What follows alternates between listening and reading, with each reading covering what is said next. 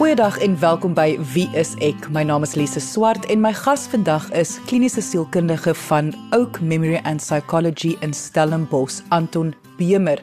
En ons gesels vandag oor 'n gevoel. Dit is 'n gevoel wat die meeste mense tans ervaar. En dit is hulle noem dit 'n kwynende gevoel. Die Engelse praat van languishing so 'n lou water gevoel. Jy's nie heeltemal depressief nie, maar jy voel ook nie heeltemal jouself nie. So indien dit vir jou bekend klink, is vandag se gesprek definitief vir jou. Kom ons luister nou eers na my gesprek met kliniese sielkundige Anton Bemer oor die gevoel van kwynend. Anton, die woord kwynend is so 'n groot woord. Mense is nie heeltemal seker waaroor ons vandag gaan gesels nie. Dit is Lise en ek dink mense kan dit seker in verskillende kontekste verstaan. Met my roosboom wat in die koelte langs die muur staan, um lyk ook baie kwynend want sy blare raak geel en hy kry nie genoeg son nie. Maar daar's nie die tipiese tekens wat mense van 'n roosboom sien nie. En ek dink as ons praat oor kwynend, is dit goed om bietjie na die woordeboek te kyk na ander woorde wat daarmee saamhang. En dan sien ons woorde soos wegkwyn of vervlouing, sukkelend, verslap verswak, versmag. En ek dink my gunsteling is minnesmart. daardie liefde wat jy vir iemand het, maar terselfdertyd dat daardie persoon nie daar is nie en daardie liefde, daai minne, daai minnaar waarna jy soek maar wat net weg is. En dit is daai gevoel dink ek wat baie mense hierdie jaar beleef dat iets waarvoor hulle lief is en wat hulle wil geniet, dis net nie daar nie. Ek hou nogal van die vervlouing. Dit daar's nogal iets wat vir my resoneer in my kop met die vervlouing. Maar hoekom is hierdie 'n onderwerp? Hoekom bespreek ons vandag hierdie onderwerp? As ons terugkyk na 2020 en na die sielkundige belewinge wat mense deurgegaan het, dan sal mense sien daar's baie sterk emosies wat beskryf was. Ek dink daar is in die eerste plek skok geweest toe die nuus uitkom van hierdie pandemie wat oor die wêreld versprei en dat ons die tonele gesien uitspeel het in Italië en Europese lande en later oor na Engeland toe uh waar mense ingekluister geraak het. Ek dink daar was die uh op 'n manier hoopvolheid dat as ons nou die reëls ook gaan volg, dan gaan hierdie ding verbygaan en dan gaan ons aangaan met ons lewe. Maar ek dink ook ons het baie kwaad ervaar. Hierdie frustrasie, uh weet toe mense se alkohol en sigarette en vryheid weggeneem was en jy kon net 2 ure per dag gaan oefen het. Die die gevoel ook van rou was 'n baie belangrike emosie in 2020. En nie alleen in terme van mense wat ons verloor het, die wat afgesterf het nie, maar ek dink ook die rou van 'n normaliteit dat ons skielik van die huis af moes werk, dat ons kinders nie kon skool toe gaan nie en ons almal was ingehok in ons huise agter die mure gewees. En hierdie rou ervaring was iets wat 'n baie sterk kollektiewe ervaring was oor die hele wêreld heen. Goed en nou, waar val hierdie kwynend dan nou in? So ek dink wat gebeur nou nadat mense hierdie sterk emosies ervaar het. Weet dit is nou asof alles net so half flou geraak het of vervlou het dat ons nou almal net bietjie weggekwyn het. En ek dink die belangrikheid om 'n konsep of 'n woord te hê om om te beskryf wat ons nou deurgaan is dat ek dink ons het hierdie ervaring iets is fout mos weet nie regtig wat nie. Mense sal sê weet jy wat ek ek voel af maar ek is nie depressief nie. Ek ek is nie sonder energie nie maar ek is net lus vir niks nie. Dis ek nie dat ek uitgebrand is of oormatig angstig is nie. Ek voel net so half Nee, dit is net so flou gevoel. Dis net so mm. bla gevoel.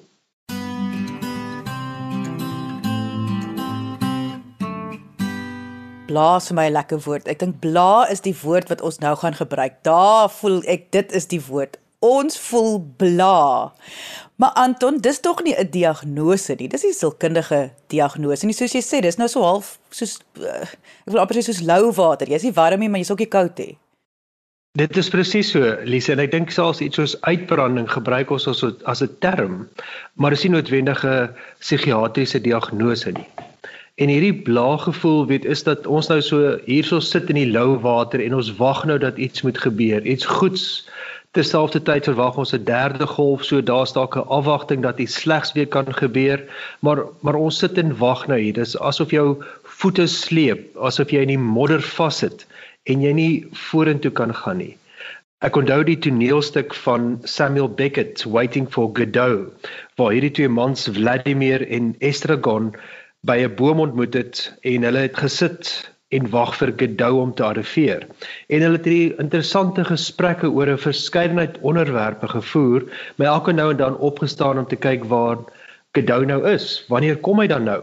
Maar hy het net nooit opgedaag nie. En later het twee ander reisigers, Pozzo wat aan die mark toe was om sy slaaf van alle name Lucky te gaan verkoop, verbygekom. Hulle het gesels, maar hulle het weer gegaan en die persoon vir wie hulle eintlik gewag het, het nie opgedaag nie. En dit is asof ons nou in hierdie situasie sit en wag. Ons weet nie regtig wat om te verwag nie, maar ons sit net hier en daar's nie regtig 'n dryfkrag om ons vorentoe te vat nie. Daar is nie regtig entoesiasme of opgewondenheid van iets wat goed is vir ons nie of ons aan die gang kry nie. Ons is nie lus vir oefening nie of lus om te gaan uit eet nie. Daardie motivering, daardie geesdrif is nou net nie daar nie. So ons voel nou net bla.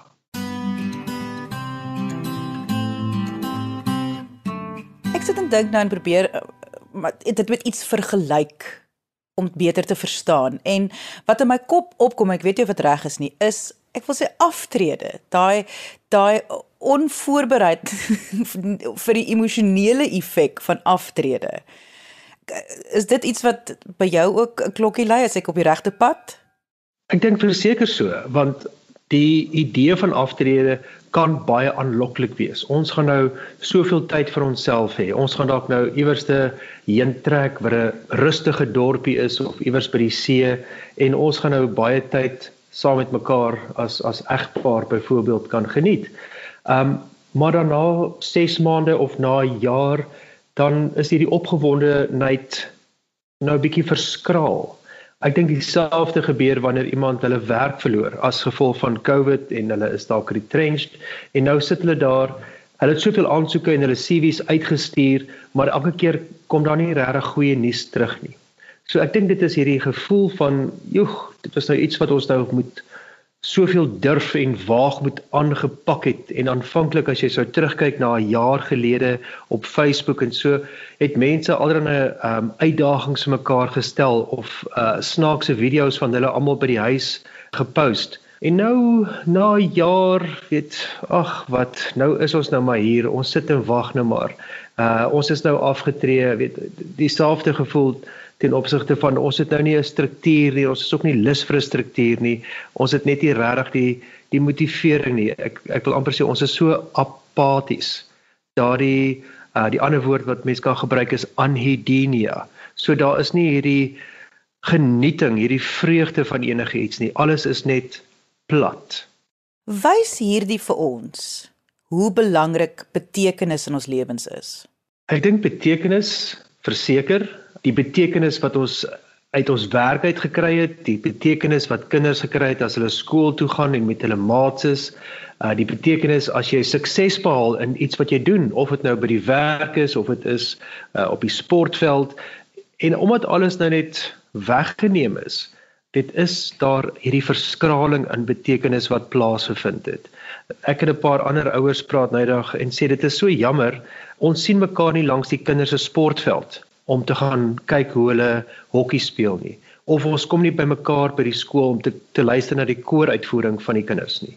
So daardie dinge wat in die verlede belangrike rolle gespeel het om betekenis by te voeg, kwaliteit van lewe by te voeg, is nou net nie daar nie omdat alles veilig gehou moet word. En ons verstaan die belangrikheid van die veiligheid en om die pandemie te beperk, absoluut.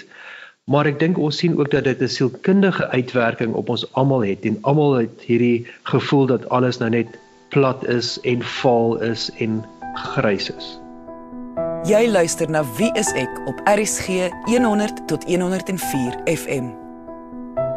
So sê jy met ander woorde, mens moet bewus wees van hierdie bla kwynende gevoel want want wat wat kan verkeerd loop Daar's 'n paar dinge wat verkeerd kan loop, beide in die onmiddellike en dan ook in die langtermyn. Een van die klagtes wat baie na vore kom, is dat mense sukkel om te konsentreer. So hierdie blaa gevoel, hierdie kwynende vervlouing het 'n impak op jou kognitiewe krag.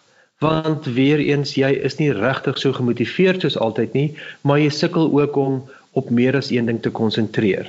So ek dink 'n belangrike deel daarvan is dat jy dan voel jy vergeet dalk dinge meer. Jy is nie so doelgerig by die werk nie. En as jy rondkyk jou kollegas miskien ook nie. So dis nie net die emosionele deel nie, maar dit is ook in terme van jou denkkrag wat 'n demper op het wat 'n baie belangrike faktor is en ons sien dit byvoorbeeld in 'n land soos Italië waar daar baie navorsing gedoen word oor diegene wat eerste nie alleen deur hierdie inperking gegaan het nie maar ook die gesondheidswerkers en die wat hierdie ervarings gehad het van vervlouing van wegkwyning se risiko is 'n derde meer as die res van die populasie om oor die langer termyn of posttraumatiese stresversteuring of 'n gemoedstoornis soos depressie te ontwikkel. So alhoewel dit heidaglik nie 'n di diagnose is as jy hierdie vervlouing ervaar nie, is die risiko baie hoër op die langtermyn dat daar wel geestesgesondheidsprobleme kan intree. Ons gesels vandag oor die gevoel van kwynend. Ons noem dit sommer die bla meh gevoel. Dis net so jy voel nie heeltemal depressief nie, maar jy voel definitief ook nie jouself nie. Klink dit vir jou bekend? Dan is vandag se gesprek definitief vir jou. Indien jy nou eens ingeskakel het en graag die volledige episode wil luister, onthou jy kan die pot gooi. Gaan luister op RSG se webwerf by rsg.co.za. Maar kom ons luister nou eers verder na my gesprek met kliniese sielkundige van Stellenbosch, Anton Bemer, oor hierdie gevoel van wegkwynning. Anton, ons het nou so mooi verduidelik in die eerste helfte wat presies beteken kwynend om om om so bla te voel, die afstomping wil mens amper sê, lou water gevoel wat ek dink meeste van ons tans ervaar. Maar as daar nou een ding is wat ek al geleer het by wees ek is almal is nie altyd heeltemal seker selfs al ervaar hulle depressie nie. So ek dink miskien moet ons verduidelik hoe lyk iemand wat gelukkig is? En hoe lyk iemand wat depressief is sodat mens jouself kan vergelyk om te kyk waar op hierdie spektrum val jy? Jy gebruik baie goeie woorde, Lise, want ek dink dit is definitief 'n spektrum wat mense in gedagte moet hou waar in die een uiterste mense floreer, gelukkig is, weet waar hulle regtig uh, met opgewondenheid dinge doen of dit nou is om te gaan werk of dit is om vriende te ontmoet of dit is om hulle kinders by die skool af te laai weet daar is gelag, daar's 'n gesels, weet dit is 'n energie wat daar is. Dit is soos 'n baie kort waar daar beweging is en in 'n goeie beweging. Aan die ander kant van die spektrum sien mense depressie.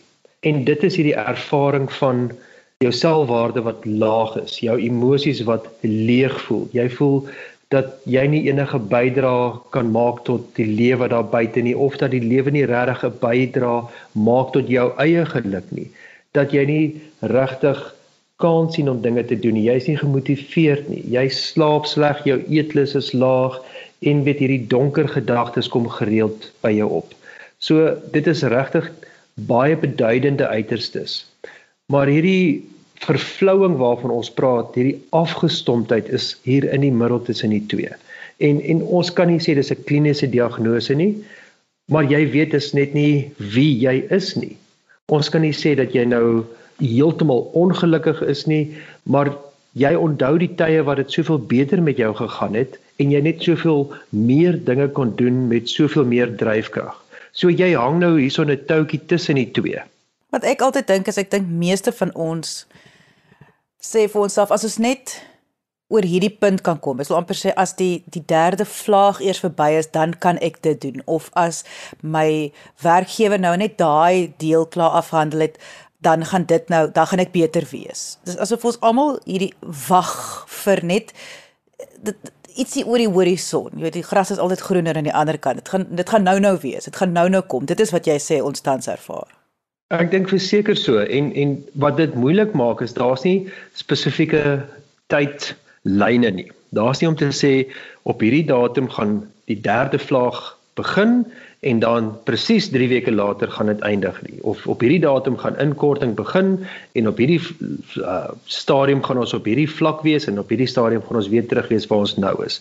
Dit is onmoontlik om presies sulke riglyne of tydslyne te gee. En ek dink dit maak dit bitter moeilik, veral omdat ons as mense oor die algemeen baie goed doen as daar 'n struktuur is. En sekere mense het meer struktuur nodig as ander, maar ons het iets nodig in terme van skool begin so laat, kom so laat uit, so laat het jy sport, so laat gaan jy huis toe, dan het jy aandete, doen jou huiswerk en so laat gaan jy slaap in die aand. So daardie struktuur help ons geweldig baie. En 'n interessante studie wat gedoen was um in Indië het hulle 3 dae uitgesit, kom ons sê Dinsdag, Donderdag en Vrydag, waar hulle voormiddagete 'n regulasie gemaak het dat daar geen onderbrekings mag wees nie. So iemand het by die werk ingekom, hulle was aangesê om nie hulle e-posse te lees nie, hulle het geen vergaderings gehad nie, daar mag geen telefoonoproepe deurkom nie en dan na middagete kon baie van daardie dinge gedoen word. En wat hulle gevind het, is dat die persone se kwaliteit van werk en hulle produktiwiteit het met 47% verbeter. So as mens sekere tye afbaken as jy vir jouself sekere stiltye kan kry, byvoorbeeld in 'n werkplek, dan het jy baie meer 'n gevoel dat jy vorentoe gaan want jy skakel 'n klomp van hierdie onderbrekings uit.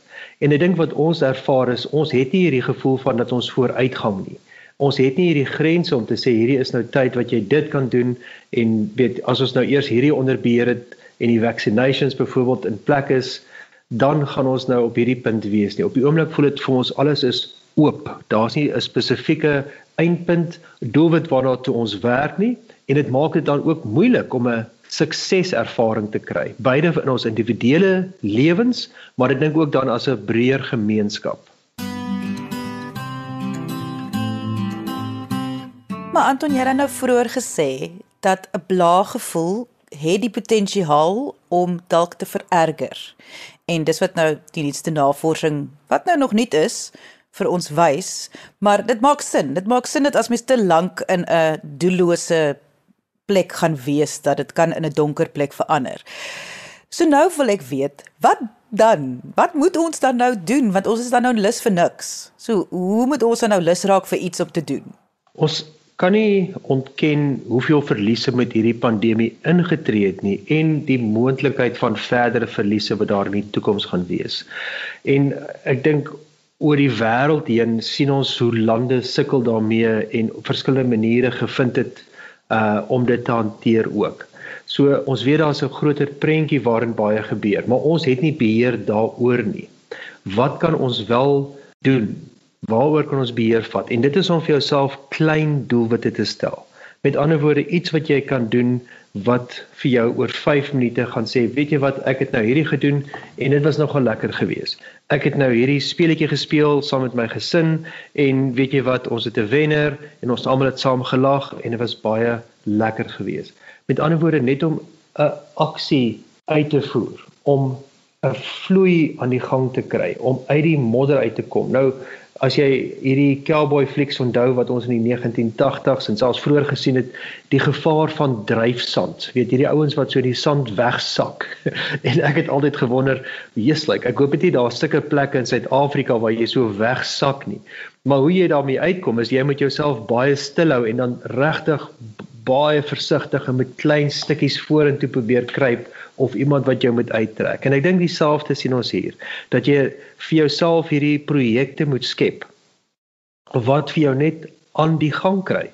Met ander woorde, dit is nie net iets in terme van jou eie lewe nie, maar wat jy ook help byvoorbeeld in jou gesin of in jou vriendekring om iets aan die gang te kry, om koneksies te maak om net vir iemand iets te gee of te sê wat iets byvoeg tot hulle lewens. Dat dit nie net gaan oor jou eie gevoel van dat jy wegknou en vervlou nie, omdat so baie ander mense dit ook ervaar.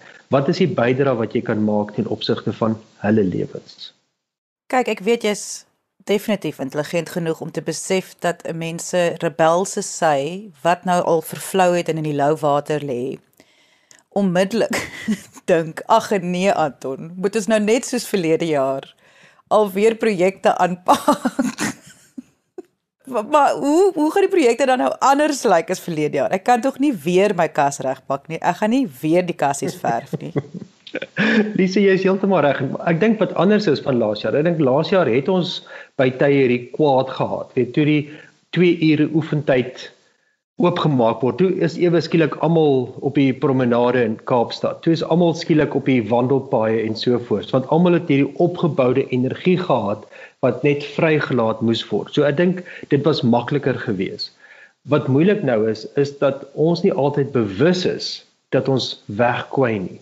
Weet ons is net ja, ons gaan nou maar so deur die emotions, weet ons doen wat ons moet doen en so voort. Maar ek dink nie daar is hierdie bewustheid noodwendig dat dit nie alleen op onsself nie, maar ook die mense rondom ons 'n negatiewe impak het. En ek hoor wat jy sê van die van die kassies verf en so voort. Maar ek dink daarom is dit belangrik om te dink net aan klein doelwitte. Dis net om te sê, weet jy, in plaas van ehm um, nou na die winkel toe ry wat net om die draai is, gaan ek nou net vandag stap na die winkel toe. Ehm um, ek gaan dalk net iemand bel om te hoor hoe gaan dit met hulle. Ehm um, dit hoef nie enigiets groots te wees nie, maar dis net om jou lewe weer uh, aan die gang te skop. Om om iets te doen wat nie alleen in jou lewe nie, maar bietjie sonskyn gee in iemand anders se se lewe. Want die probleem met hierdie is dit is hierdie gevoel wat ons nie net so in lou water hou nie en afgestomp hou nie.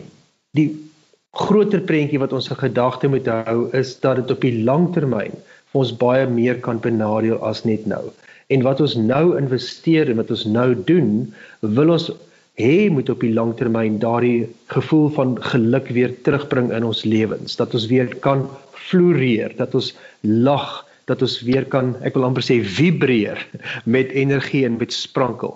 Maar ons het nou nodig om dinge in plek te stel om daar uit te kom. So dit gaan nie net in terme van 'n korttermyn oplossing, 'n quick fix nie. Dit gaan oor wat ons nou investeer wat in die toekoms vir ons, ons kinders, ons vriende, ons breër familie, ons kollegas ook kan help. Ja, ek is baie bly jy dit nou gesê want ek ek die woord verwagting bly in my kop nou die hele tyd. Dat moenie verwag dat as jy nou bietjie gaan tuin maak nou, gaan hierdie blagevoel weggaan nie. Dis soos jy sê, dit is nou jy belê nou in jou toekoms. Dit is dis dis stappe, dis 'n proses wat net moet begin wel word. Soek jy 'n professionele persoon in jou area, gaan kyk op die WSE kontaklys by www.wse.co.za. Die tuin maak metafoor werk baie goed Lise want as jy nou daar 'n paar uh nuwe plantjies gaan plant en en jy gaan nou jou roosboom dalk skuif na 'n meer sonnige plek toe. Oor 'n week gaan dit nie nou hierdie pragtige bosse blomme wees. Die roosboom gaan nie oortrek wees met nuwe bloeisels nie. Dit gaan tyd neem. Maar om daaraan aandag te gee, weet om dit nat te gooi, om seker te maak daar's nie onkruid wat tussen dit kom nie, om dit bietjie kunsmis te gee of wat ook al nodig is. Dit gaan daardie tuin oor die langtermyn laat floreer. Die blare gaan groen raak. Dit gaan 'n lushof raak. Maar jy gaan ook geduldig moet wees en weet dat jou beleggings wat jy maak in die tuin, die beleggings wat jy maak in jou lewe of in ander mense se lewens, dit gaan hier oor 'n langer termyn projek. En ons weet dat die toekoms nog baie onseker is in terme van 'n derde vlaag hoe vinnig die inentings toegedien mag word ensovoorts. So ons is ons is hierso in 'n langtermynprojek wat ons gaan moet raak sien. Maar dis die korttermyn stappe wat ons neem, die korttermyn beleggings wat ons maak wat ons op die langtermyn baie baie waardevol mag vind. En dit was kliniese sielkundige Anton Bemer. Indien jy enige vrae het, kan jy ons kontak deur ons webwerf by www.wieisek.co.za of kom gesels saam op ons Facebookblad onder wieiseksa waar ons ook live gesprekke weeksoggende het. Dankie dat jy vandag ingeskakel het. Ons maak weer so volgende Vrydag 0.30 net hier op RSG. Jy moet 'n heerlike naweek hê en onthou, kyk mooi na jouself.